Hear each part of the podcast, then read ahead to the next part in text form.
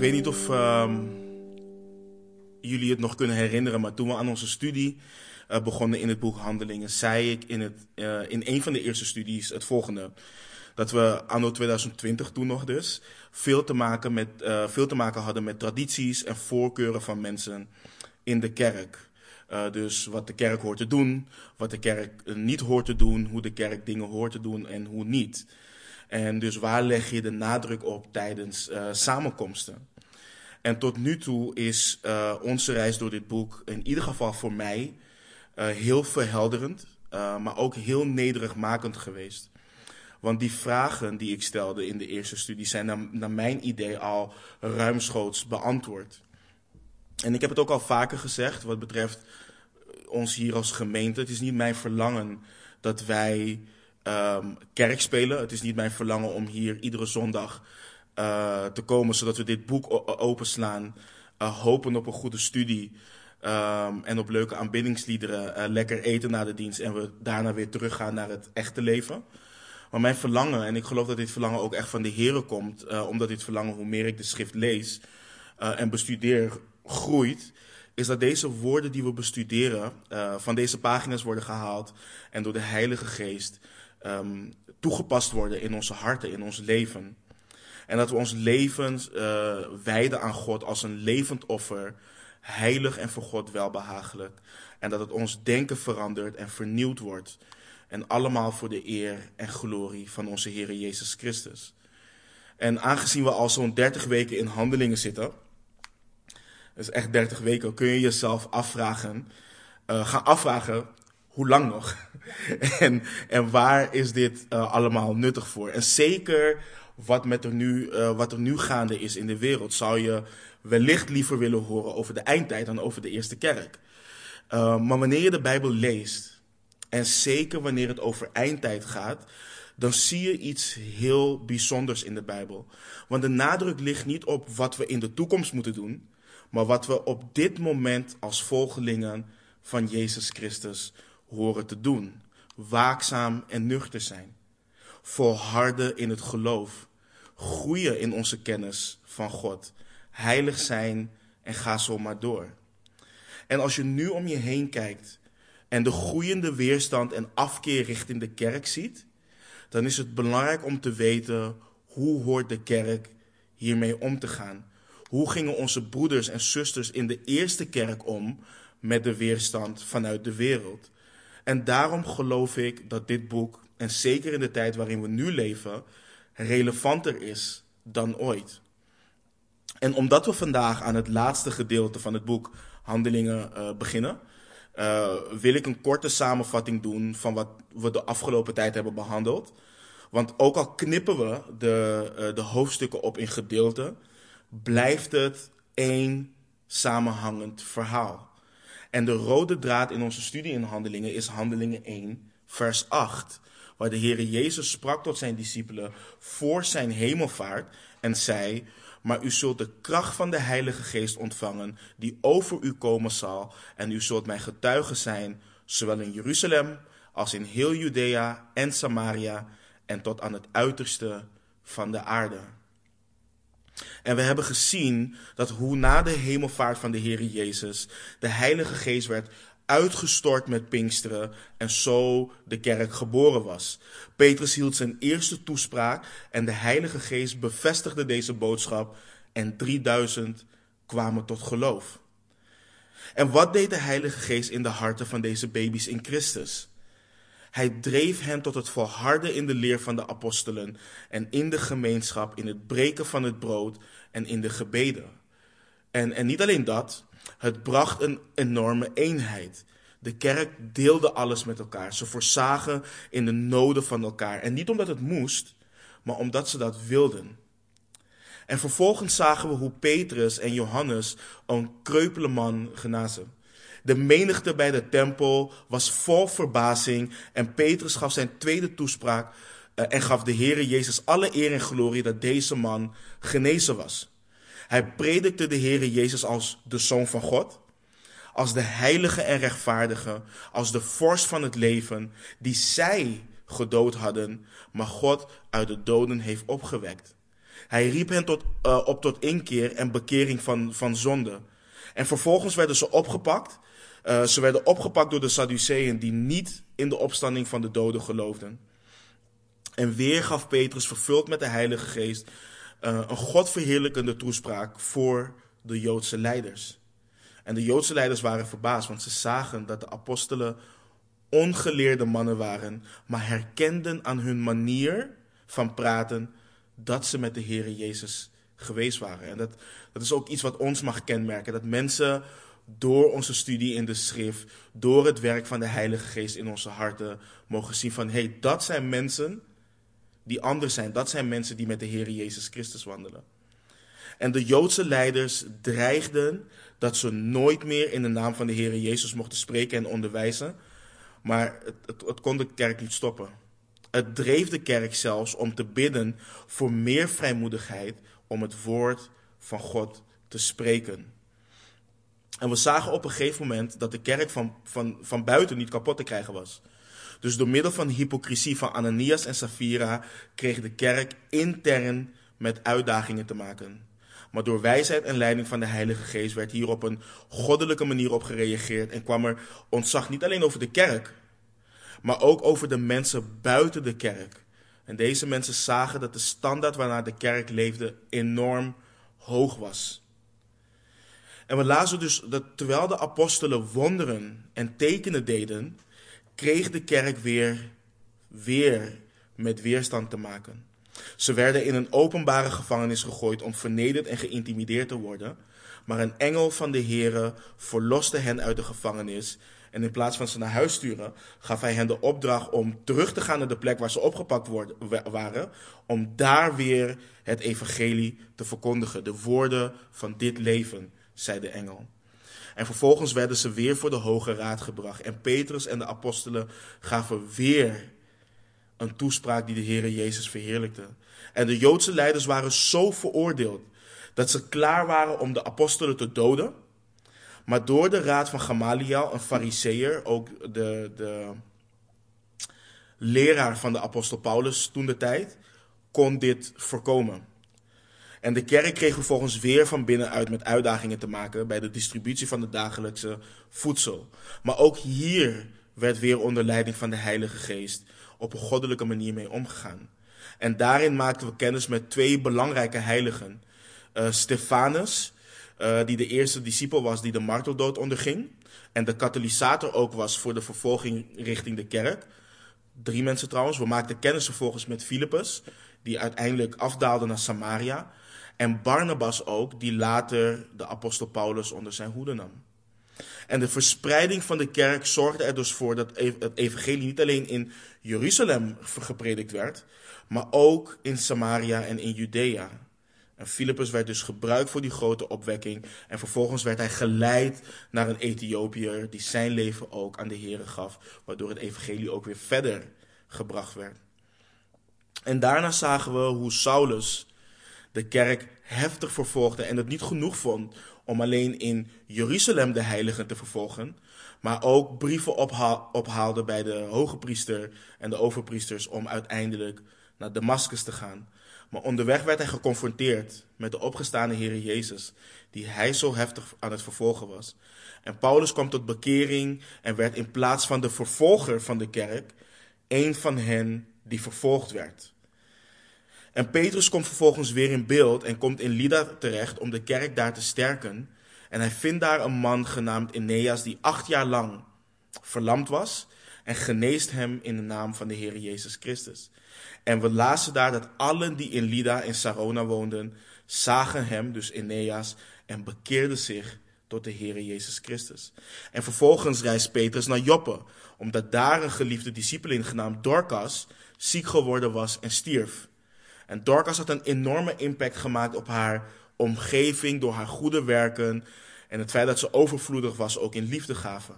En Petrus wekt Dorcas op uit de dood en ook dit werd bekend in heel Joppe en velen geloofden in de Heer.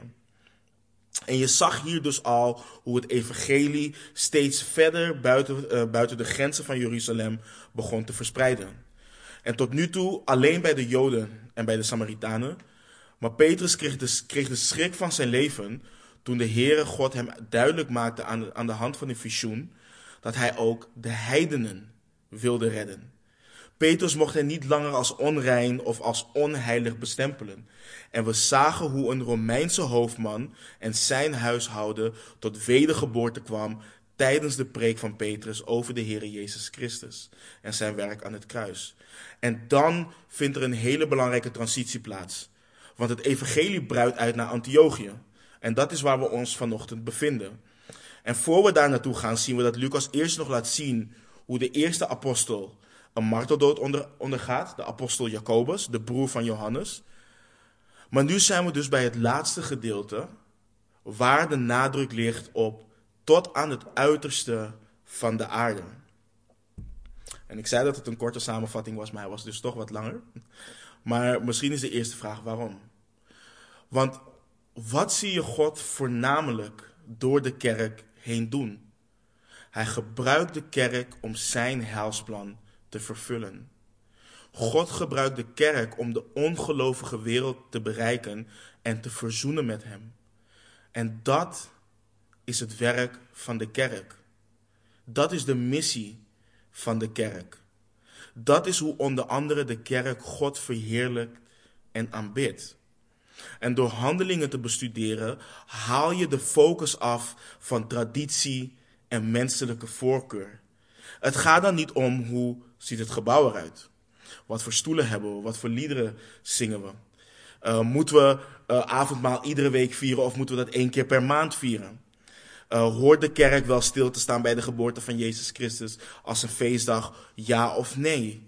Het gaat om het feit dat Jezus Christus naar aarde is gekomen om zondaren vrij te kopen en te redden van de komende toorn. En dat God zijn kerk gebruikt om die boodschap kenbaar te maken.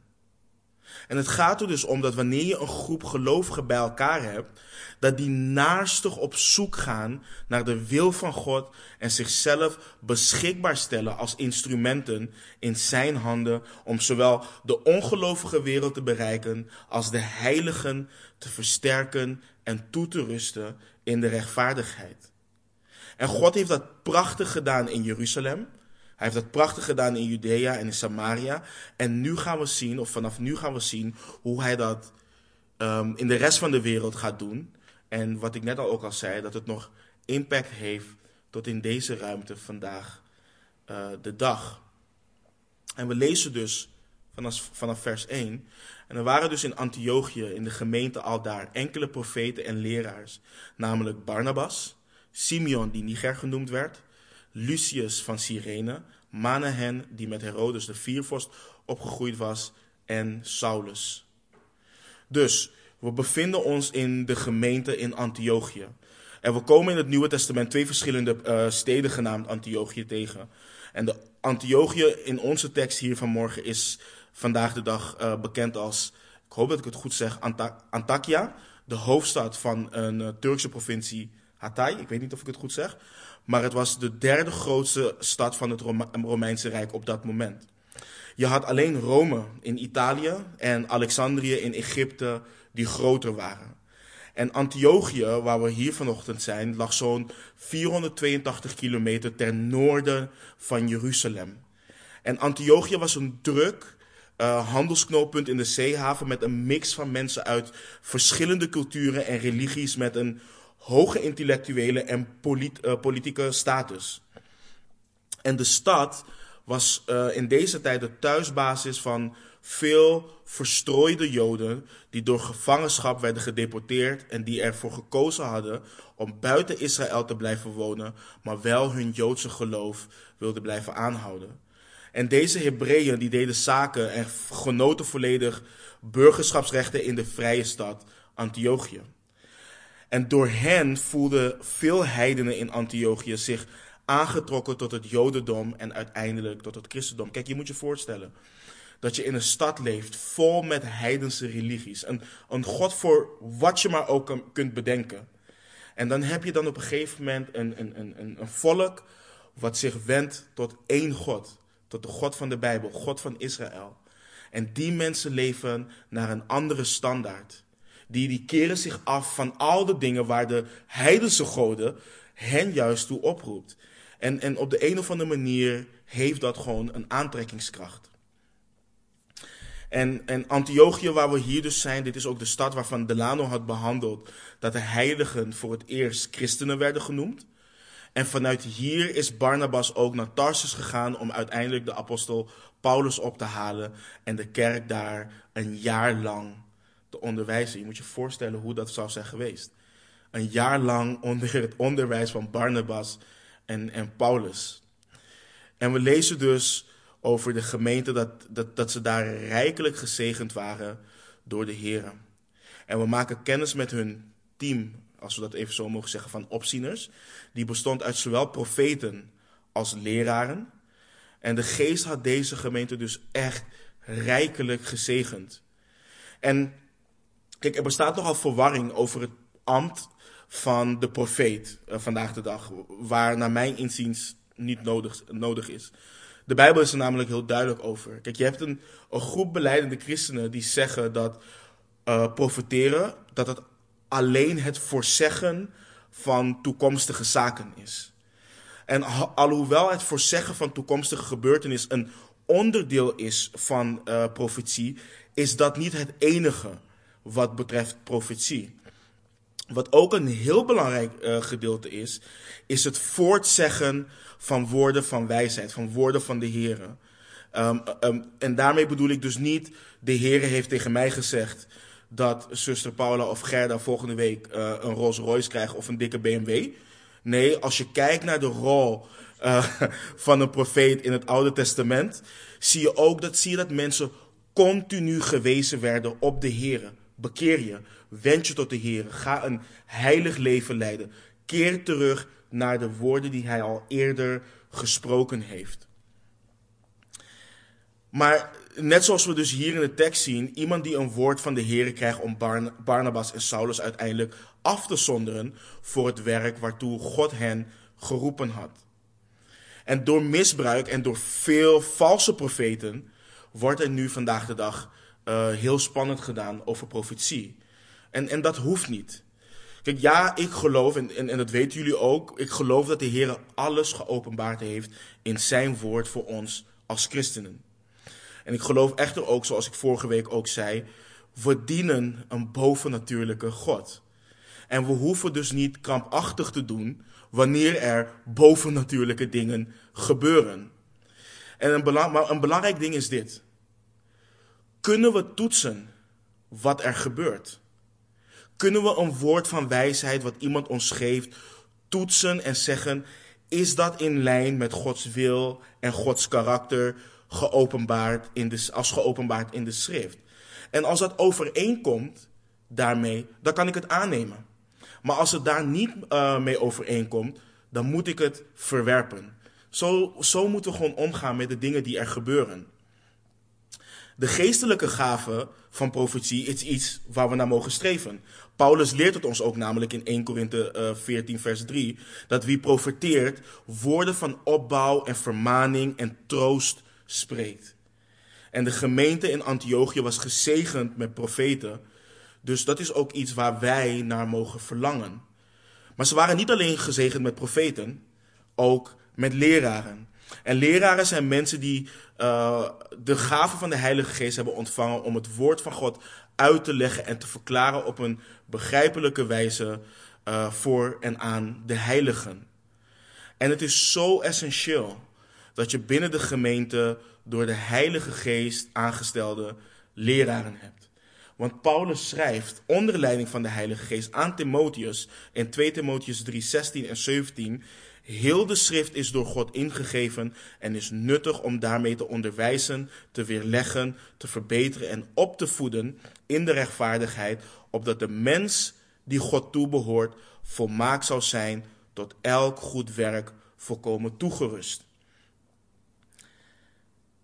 Kijk, je, je hebt beleidende christenen, we hadden het toevallig daar vanmorgen ook over. Je hebt beleidende christenen die zeggen, ik geloof in God, ik geloof in Jezus, maar ik geloof niet in de Bijbel. Als jij zegt dat je God, in God gelooft, en als je zegt dat je Hem toebehoort, dan is dit vers voor jou. Want de schrift is voor jou gegeven, opdat jij als mens die God toebehoort, volmaakt zou zijn tot elk goed werk volkomen toegerust. Dus je kunt dat niet zomaar verwerpen. Dus je kunt ook niet zeggen van ja, nee, maar ik wil niet naar een gemeente waar de Bijbel wordt uitgelegd.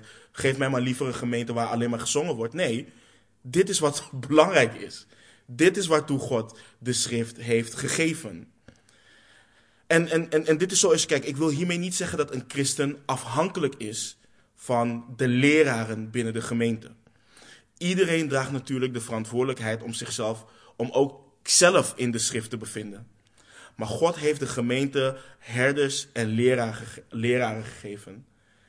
En als hij ze heeft gegeven, is het dus noodzakelijk.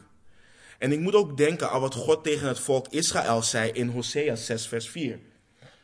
Hij zei: Mijn volk is uitgeroeid omdat het zonder kennis is. Omdat u de kennis verworpen hebt, heb ik u verworpen om als priester voor mij te dienen. Omdat u de wet van uw God hebt vergeten, zal ik ook uw kinderen vergeten. Dit is zo essentieel. Dit is echt essentieel. En ik zei het net ook al in de samenvatting. Maar wat zagen we de eerste kerk doen in Handelingen 2:42? En zij volharden in de leer van de apostelen. En in de gemeenschap, in het breken van het brood en in de gebeden. En dit heeft dus niets, als we ook kijken naar Hosea, 6, of naar Hosea 4, vers 6, dit heeft niets met geheime kennis te maken. Dit heeft dit heeft te maken met kennis van Gods woord. Kennis van de Bijbel en de leer van de apostelen. Kennis van wie hij is, kennis van zijn wil. En dit is wat de kerk nodig heeft. De kerk heeft leiders nodig die de woorden van God spreken tot zijn volk, tot zijn mensen. Zonder compromissen, zonder angsten, zonder eigen interpretatie. Gewoon het woord van God. En de kerk in Antiochië had dit. En we maken kennis met deze profeten en leraren. We lezen als eerste Barnabas. Met Barnabas hebben we al eerder kennis gemaakt. Een leviet uit Cyprus. Barnabas betekent zoon van vertroosting. Het was, hij was iemand die echt kon bemoedigen. En dat, dat zagen we ook. Hij ontfermde zich over anderen. We zagen hem dat doen bij de apostel Paulus. En in Handelingen 11 lazen we dat Barnabas een goed man was, vol, van, uh, vol was van de Heilige Geest en vol van geloof. Vervolgens zien we Simon, uh, die Niger genoemd werd. Uit zijn naam kun je opmaken dat hij een Jood was, maar waarschijnlijk van Afrikaanse afkomst. Het kan zijn dat hij de naam Niger, had, uh, wat zwart betekent, heeft aangenomen om, onder de heidenen uh, te werken. Maar los van wat hier over hem geschreven staat, weten we niets van hem. Maar we weten in ieder geval dat hij voldeed aan 1 Timotheus 3, 1 tot en met 16, omdat hij een van de leiders was. Dan maken we kennis met Lucius, Lucius van Cyrene. Um, een stad in Libië aan de noordkust van Afrika. Het kan zijn dat hij een van de heiligen was die tegen de Grieks sprekende begon te prediken in Handelingen 11.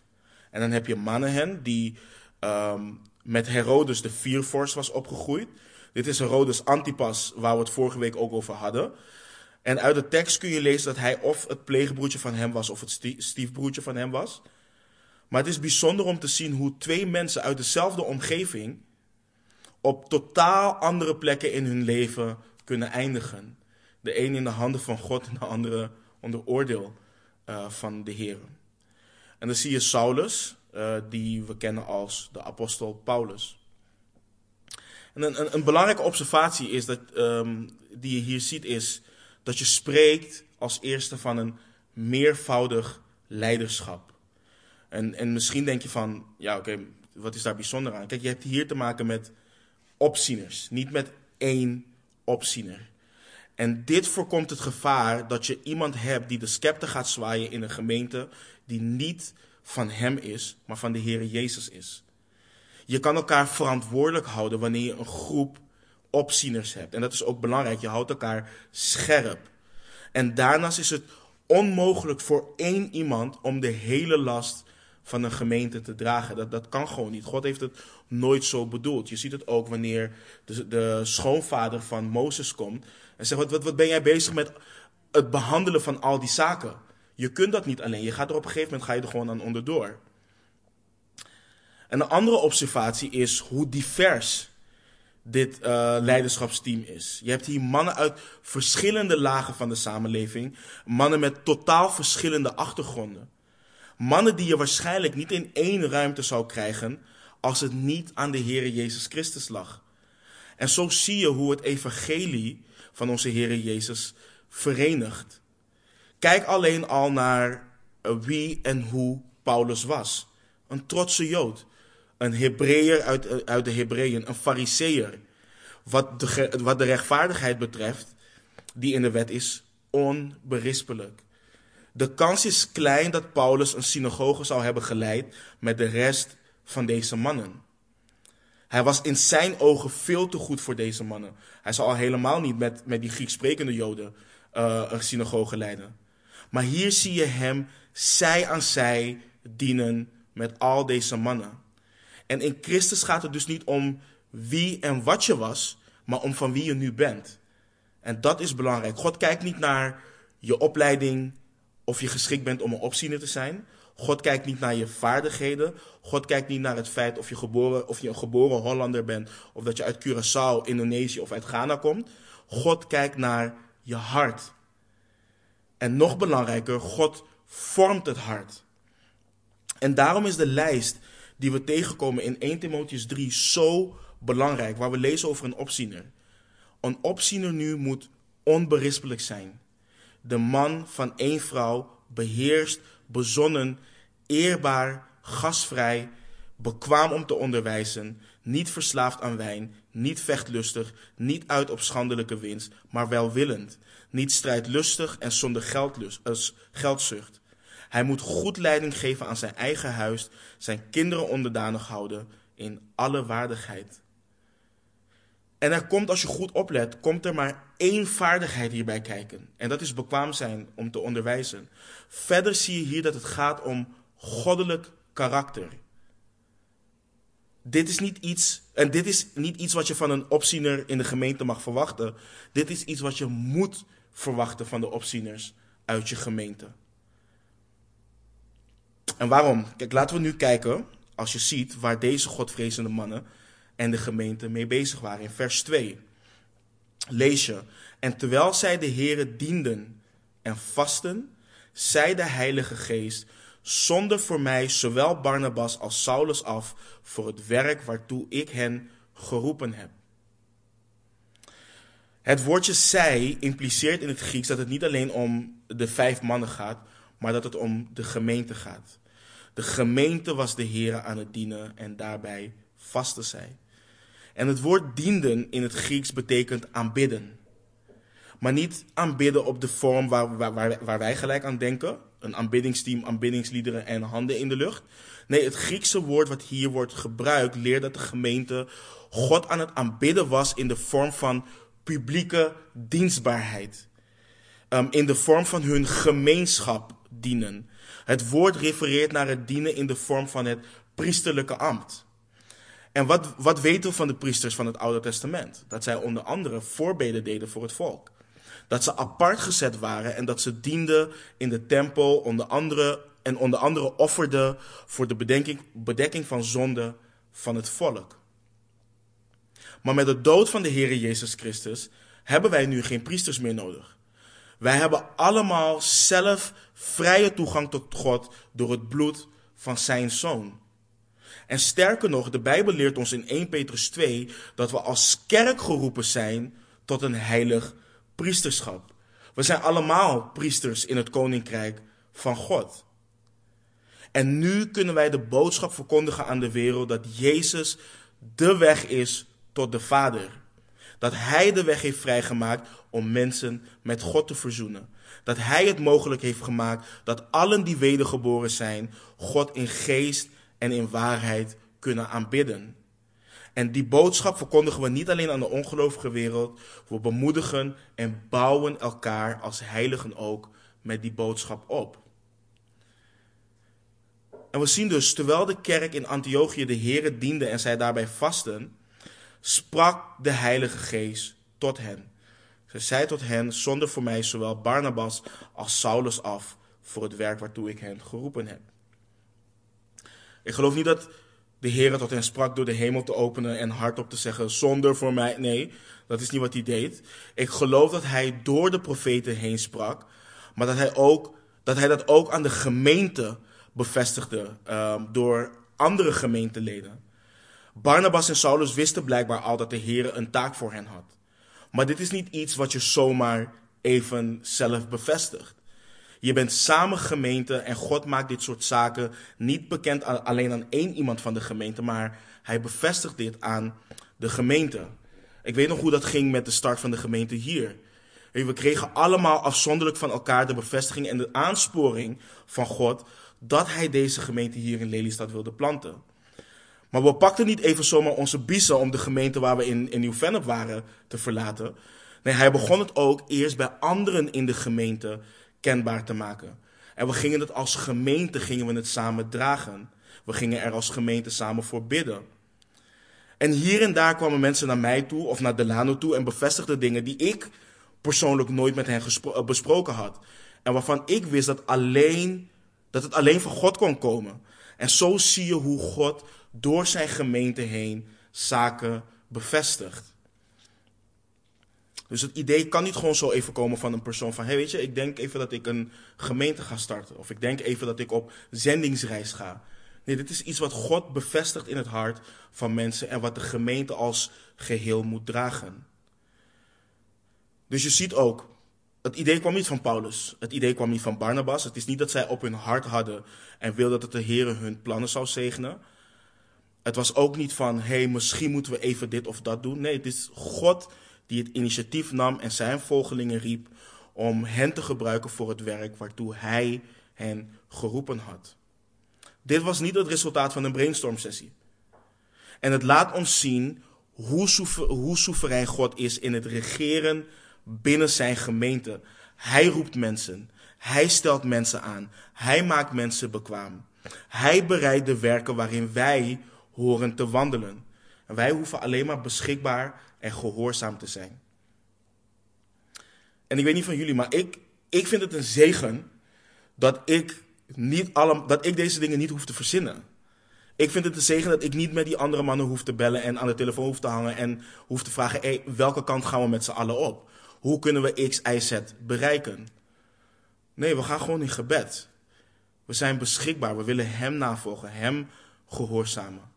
En dat is ook wat we hier in onze tekst zien gebeuren. En nadat de Heer tot hen heeft gesproken, zien we in vers 3, toen vasten en baden zij, en nadat zij hun de handen opgelegd hadden, lieten zij hen gaan. Dus de reactie van de gemeente nadat de Heer tot hen gesproken had, was vasten en bidden. Ze bleven doen wat ze deden en ergens kregen zij de vrede van de Heer over hen, en over hen heen en legden zij Barnabas en Paulus de handen op. En dat betekent niet dat ze hen officieel hadden beëdigd in hun ambt. Dit is simpelweg een bevestiging van hun gemeenschap met de broeders en dat zij in de geest met de broeders waren wat betreft hun roeping, dat zij hun ondersteunden.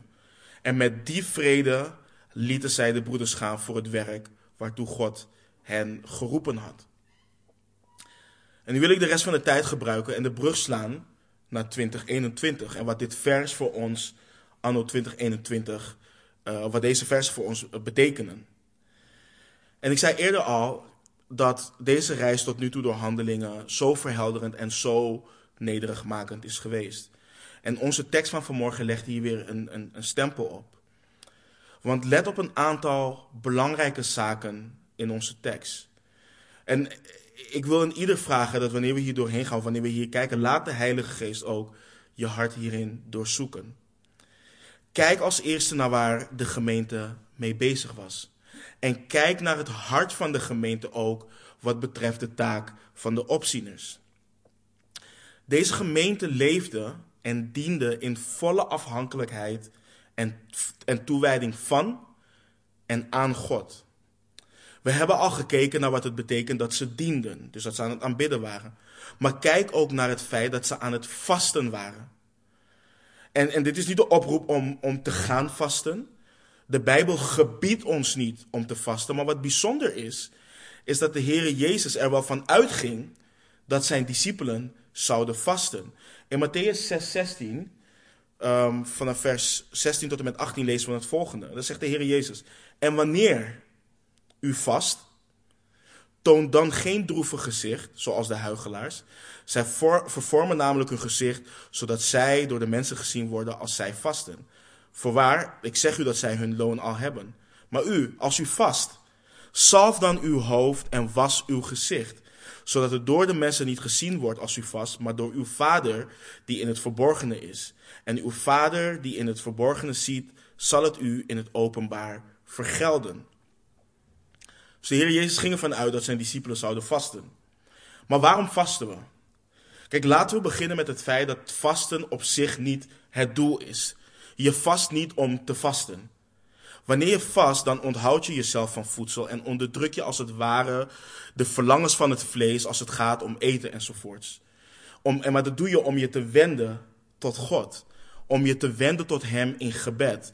Om Zijn aangezicht te zoeken um, voor Zijn wil in zowel gebed als in het woord. Maar nogmaals, om je volledig te wijden aan Hem. En vasten is altijd, bijbels vasten, is altijd het onthouden van voedsel. Je hebt mensen die zeggen van ja, ik vast even door niet op de computer te gaan of wat dan ook. Dat is geen bijbels vasten. Je kan dat doen als, als je je even wilt ontgiften van je computer. Maar dat is geen bijbels vasten. Bijbels vasten is altijd je onthouden van voedsel. Hetgeen wat je lichaam nodig heeft. En je wenden tot God. Om het hemelsvoedsel te krijgen. Het mannen uit de hemel. Maar voor deze gemeente. Um, of ja, de tekst leert ons um, niet dat de, of de gemeente voor een specifieke node aan het vasten was. Dus ik ga dat ook niet invullen. Maar als we zien waarom we vasten, dan zie je wel dat de gemeente Gods wil zocht. En niet alleen de leiders. De gemeente in zijn geheel zocht de wil van God. Ze waren samen op zoek naar de wil van God voor die lokale gemeente. En dat is altijd een goed ding om te doen. We bidden en vast, uh, want bidden en vasten laten ons onze afhankelijkheid aan God zien. Het bevestigt dat wat de Heere Jezus zei in Johannes 15, vers 5: Zonder mij kunt u niets doen. En voor deze gemeente was het blijkbaar niet het einddoel dat ze samenkwamen. Deze kenden Gods helsplan. En de vraag is dan, Heere, hoe wilt u ons gebruiken? Hoe wilt u ons gebruiken om de goede boodschap dat uw zoon naar aarde is gekomen om mensen te redden, kenbaar te maken? En dat is een vraag die wij ook horen te stellen aan de Heer. Dit is een vraag die we niet alleen als individuen horen te dragen, dit is een vraag die we samen horen te dragen in gebed. Tijdens onze gebedsavonden, tijdens het bidden voor de dienst. We horen hier samen mee bezig te zijn. En zeker in de tijd waarin we nu leven.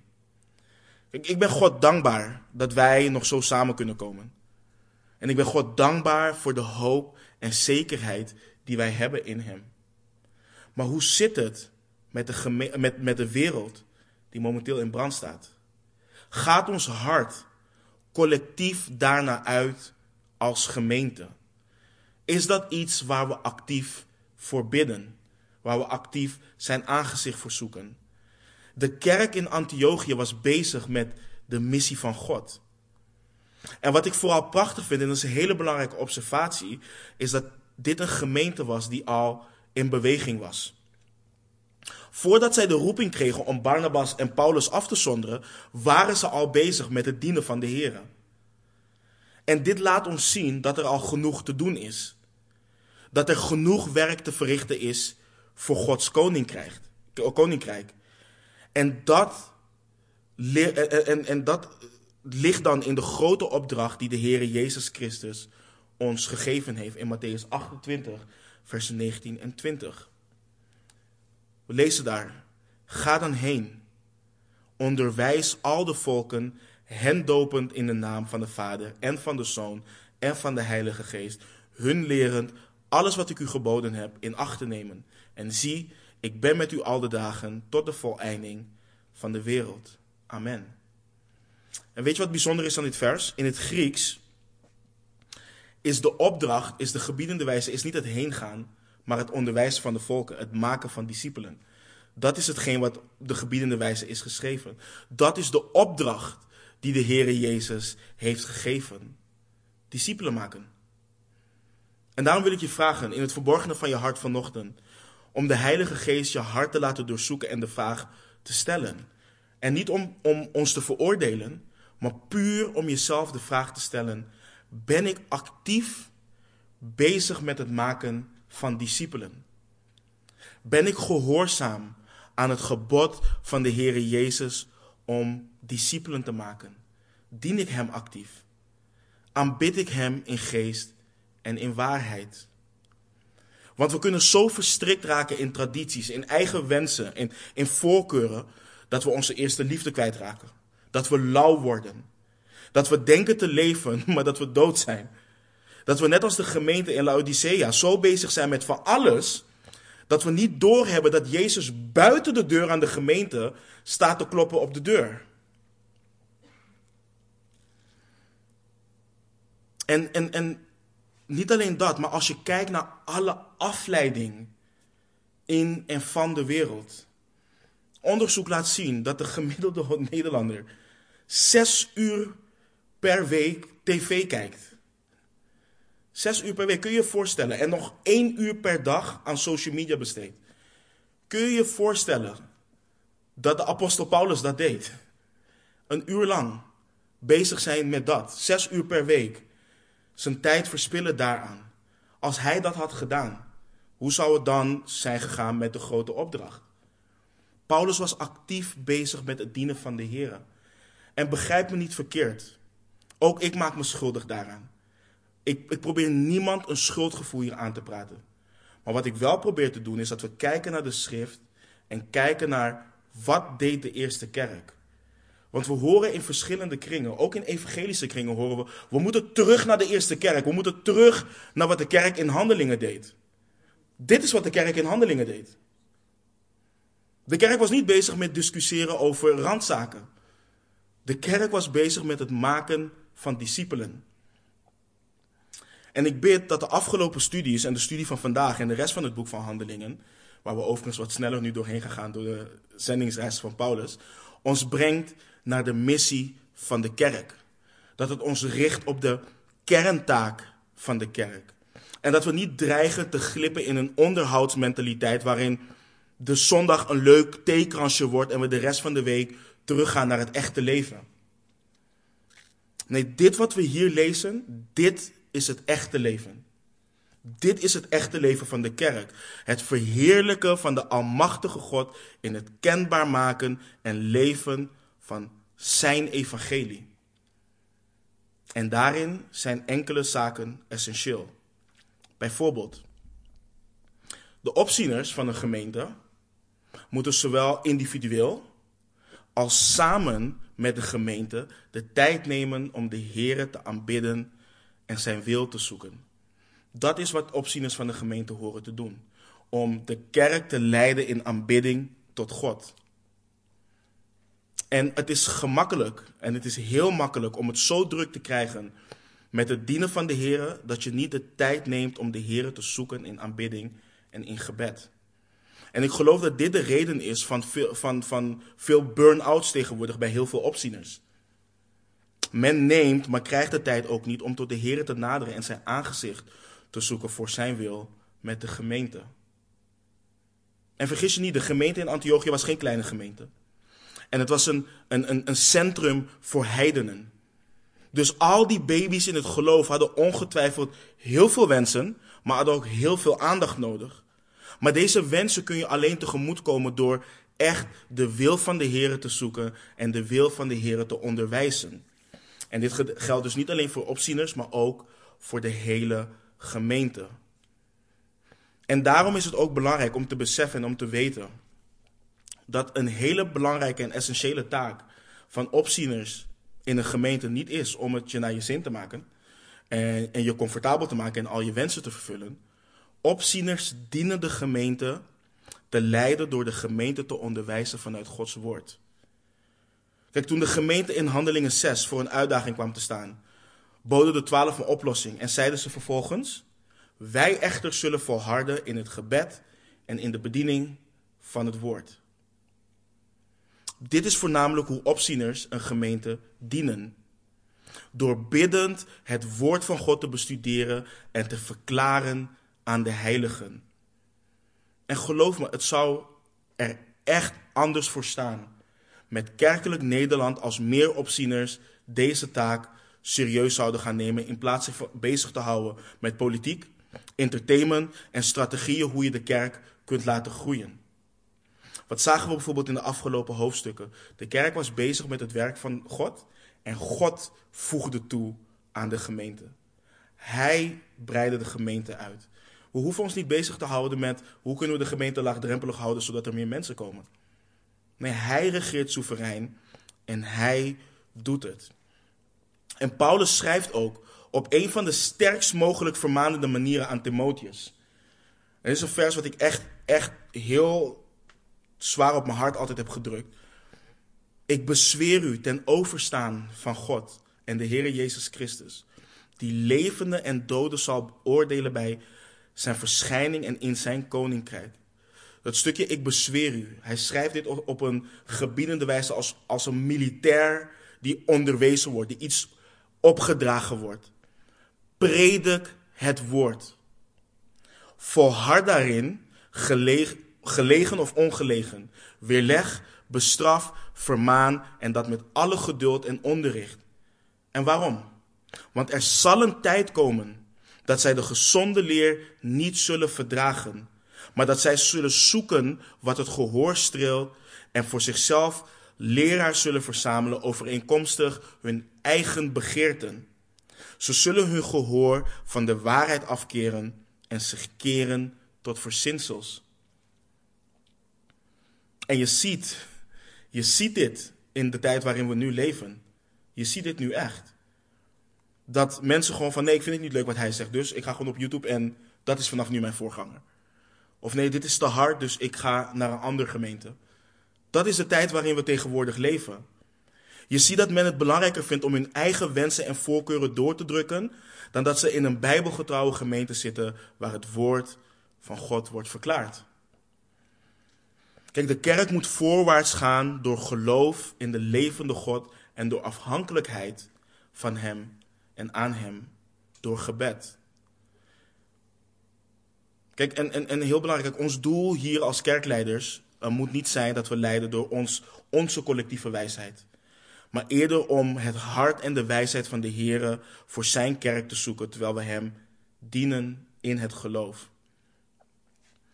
En als laatste, en ik denk wel het allerbelangrijkste, we doen dit allemaal door en onder leiding van de Heilige Geest. We dienen allemaal als kerk onderworpen te zijn aan de leiding van de Heilige Geest, zoals we dat hier terugzien in de schrift. En wat bijzonder is, en dan zie je ook dat dat ook het doel is van, van um, als je, of het resultaat is als je mannen onderwijst en God die mannen op, opricht, dat de gemeente gedragen kan worden door meer. Paulus en Barnabas zouden nooit weg kunnen zijn gegaan als die andere leiders niet getrouw waren en niet opgericht waren door God. Dan hadden ze de gemeente nooit kunnen achterlaten. Dus het is belangrijk dat, dat, dat je je verdiept in het woord uh, van God. Spreek ik nu ook vooral de mannen aan. Dat God wellicht jou aanspoort of jou aanstelt als opziener, als diaken of wat dan ook. Maar dat je de gemeente kan dienen. Zodat hij meer handen vrij kan maken om de wereld op die manier te bereiken. Ik kan me voorstellen dat dit geen makkelijke opdracht was voor de kerk. Twee begaafde opzieners worden uit hun midden gehaald om op zendingsreis te gaan. En ik kan me voorstellen dat zij Barnabas en Paulus het liefst bij hen, bij hen hielden. Maar Gods geest, nogmaals, hij regeert soeverein over de kerk. En het laat zien dat God boven alles bezig is met het verkondigen van zijn geweldige offer tot verzoening. En dit is ook belangrijk om te erkennen in het werk en in de bediening van de Heilige Geest. Want wat zei de Heer Jezus dat de Heilige Geest zou doen? Zou Hij de Heilige Geest sturen, opdat mensen zouden kunnen rollen, vallen, brullen en lachen in de geest? Nee, Hij zou de geest sturen om het volgende. Als je in je Bijbel naar Johannes 14 gaat, dan zie je in vers 16 dat de geest, ik heb ze helaas niet op, op het scherm, dus mijn excuses. Um, vers 16 in Johannes 14, dan zie je, de geest is gestuurd om bij ons te blijven. Dat is één. In vers 17, hij is, hij is gestuurd als de geest van de waarheid. Vers 26, hij brengt tot herinnering wat de Heere Jezus heeft gezegd. En als je verder in je Bijbel naar, handelingen, of naar Johannes 16 gaat, dan zie je in vers 8 dat de geest is gezonden om de wereld te overtuigen van zonde, van gerechtigheid en van oordeel. In vers 13 dat hij is gekomen om ons de weg te wijzen in heel de waarheid. Hij zal geen dingen verzinnen, geen dingen uit zichzelf nemen. Nee, hij zal spreken wat hij gehoord heeft. En kijk naar vers 14. Hij is gekomen om Christus te verheerlijken. En deze lijst is natuurlijk niet uitputtend. En we hebben een serie nodig om dieper in te gaan op de persoon en het werk van de Heilige Geest. Maar één ding is zeker: God heeft de Geest niet gestuurd opdat mensen door tongentaal gekenmerkt zouden worden als echte christenen. Als we de Heilige Geest aan het werk willen zien, als we Zijn kracht willen zien in de wereld, in ons leven en in de gemeente, dan moeten we onszelf als instrumenten in de handen van God beschikbaar stellen. En we moeten Hem als soeverein laten regeren en spreken in ons leven, opdat Hij Christus in en door ons heen kan verheerlijken. En niet alleen de dingen laten spreken waar wij ons comfortabel bij voelen, maar nogmaals, dat Hij is gekomen om Christus te verheerlijken. Want de Zoon des mensen is gekomen om te zoeken en zalig maken wat verloren is. En belangrijk dus, en ik heb dit al eerder gezegd, God kon en Hij kan het evangelie bij monden van engelen kenbaar maken. Hij kan dat. Maar zelfs de engelen droegen de apostelen op om het evangelie kenbaar te maken. Dat houdt dus in dat God werkt door zijn kerk. En dat houdt in dat onder leiding van de Heilige Geest het onze missie en onze focus moet zijn om discipelen van Jezus Christus te maken. Zowel binnen als buiten de vier muren van de gemeenten. En de vraag is dan ook, en daar sluit ik mee af. Kom je ook met die verwachting, daar hadden we het vanochtend ook over, naar de samenkomsten? Kom je met de verwachting naar de samenkomsten dat God tot je zal spreken door de schrift? Dat Hij jou door zijn woord meer wilt vormen naar het evenbeeld, naar zijn zoon. Dat Hij je wilt aansporen om te wandelen in de werken die Hij van tevoren heeft voorbereid. Dat Hij zijn woord wil toepassen in jouw leven om Hem te verheerlijken in het leven van jouw naasten. Of kom je op zondag naar de kerk omdat het moet? En kom je met de verwachting dat het misschien 30 minuten duurt en dat we hopelijk een leuk lied zullen zingen. Het is echt belangrijk dat we de focus hebben op wat, wat de focus van God is met de kerk. Amen. Laten we bidden. Hemelse Vader, Heer, het is zo goed om te weten wat uw hart is voor de verloren wereld, Heer. Heer, dat u in Genesis 3 al had beloofd dat u alles zou herstellen, Heer. Het nageslacht, Heer, en dat dat onze Heer Jezus Christus is. Dank u wel dat dat allemaal in vervulling is gegaan in onze Heer Jezus Christus. Dank u wel voor de grote opdracht die u heeft gegeven. Dank u wel dat u ook de Heilige Geest heeft gegeven om ons toe te rusten daarin. En Heer, u weet hoe wij mensen zijn, Heer. U weet hoe snel wij ook kunnen afdwalen en hoe wij ons kunnen gaan bezighouden, Heer, met randzaken. En dat we zo gericht worden op onszelf, dat we de grote opdracht ook zullen verliezen, uh, uit het oog zullen verliezen. Maar ik bid u, Heer, ik bid u dat u ons een vuur en vlam voor u zet, Heer. Dat u ons opricht, dat u ons vrijmoedigheid geeft. Dat u ons vervult met uw geest. En dat u op ons hart en op ons verstand drukt, Heer, waartoe u ons geroepen heeft. En help ons ook om elkaar te bemoedigen daarin. Help ons om elkaar daarin aan te sporen. En leer ons ook om te groeien in de vrijmoedigheid die we nodig hebben om te getuigen van u. Want Heer, het is, het is niet makkelijk, Heer. Ons vlees snel geneigd om ja, compromissen te stellen, Heer. En om het toch zachter te maken. En om bezig te zijn met wat andere mensen denken. Maar ik wil u vragen, Heer, om ons hart te richten op het feit dat we u willen behagen en u alleen. Dus doe alstublieft van boven natuurlijk werk in ons leven. Snoei waar er gesnoeid moet worden, Heer. En leer ons hoe we onszelf moeten verloochenen, ons kruis moeten opnemen, opnemen en achter u aan moeten gaan. Maar vader, ik bid ook, Heer, ik dank u voor het feit dat ja, u hier een gemeente heeft samengesteld, Heer. En ik zeg dit absoluut niet uit hoogmoed en met trots of dan ook, maar dat u mensen bij elkaar heeft gebracht, Heer, die echt willen leren van u. En uw woord in willen gaan en, en u willen navolgen. En ik bid ook, Heer, dat het feit dat we u dienen, het feit dat we u aanbidden ook, dat u meer en meer zult openbaren hoe u ons als lokale gemeente hier in Lelystad wilt gebruiken om u wil kenbaar te maken. En om voor u uit te gaan en de volken te onderwijzen en naar u toe te brengen, Heer. We loven en prijzen uw naam, Heer. We bidden en we vragen al deze dingen in de machtige naam van onze Heer Jezus Christus. Amen.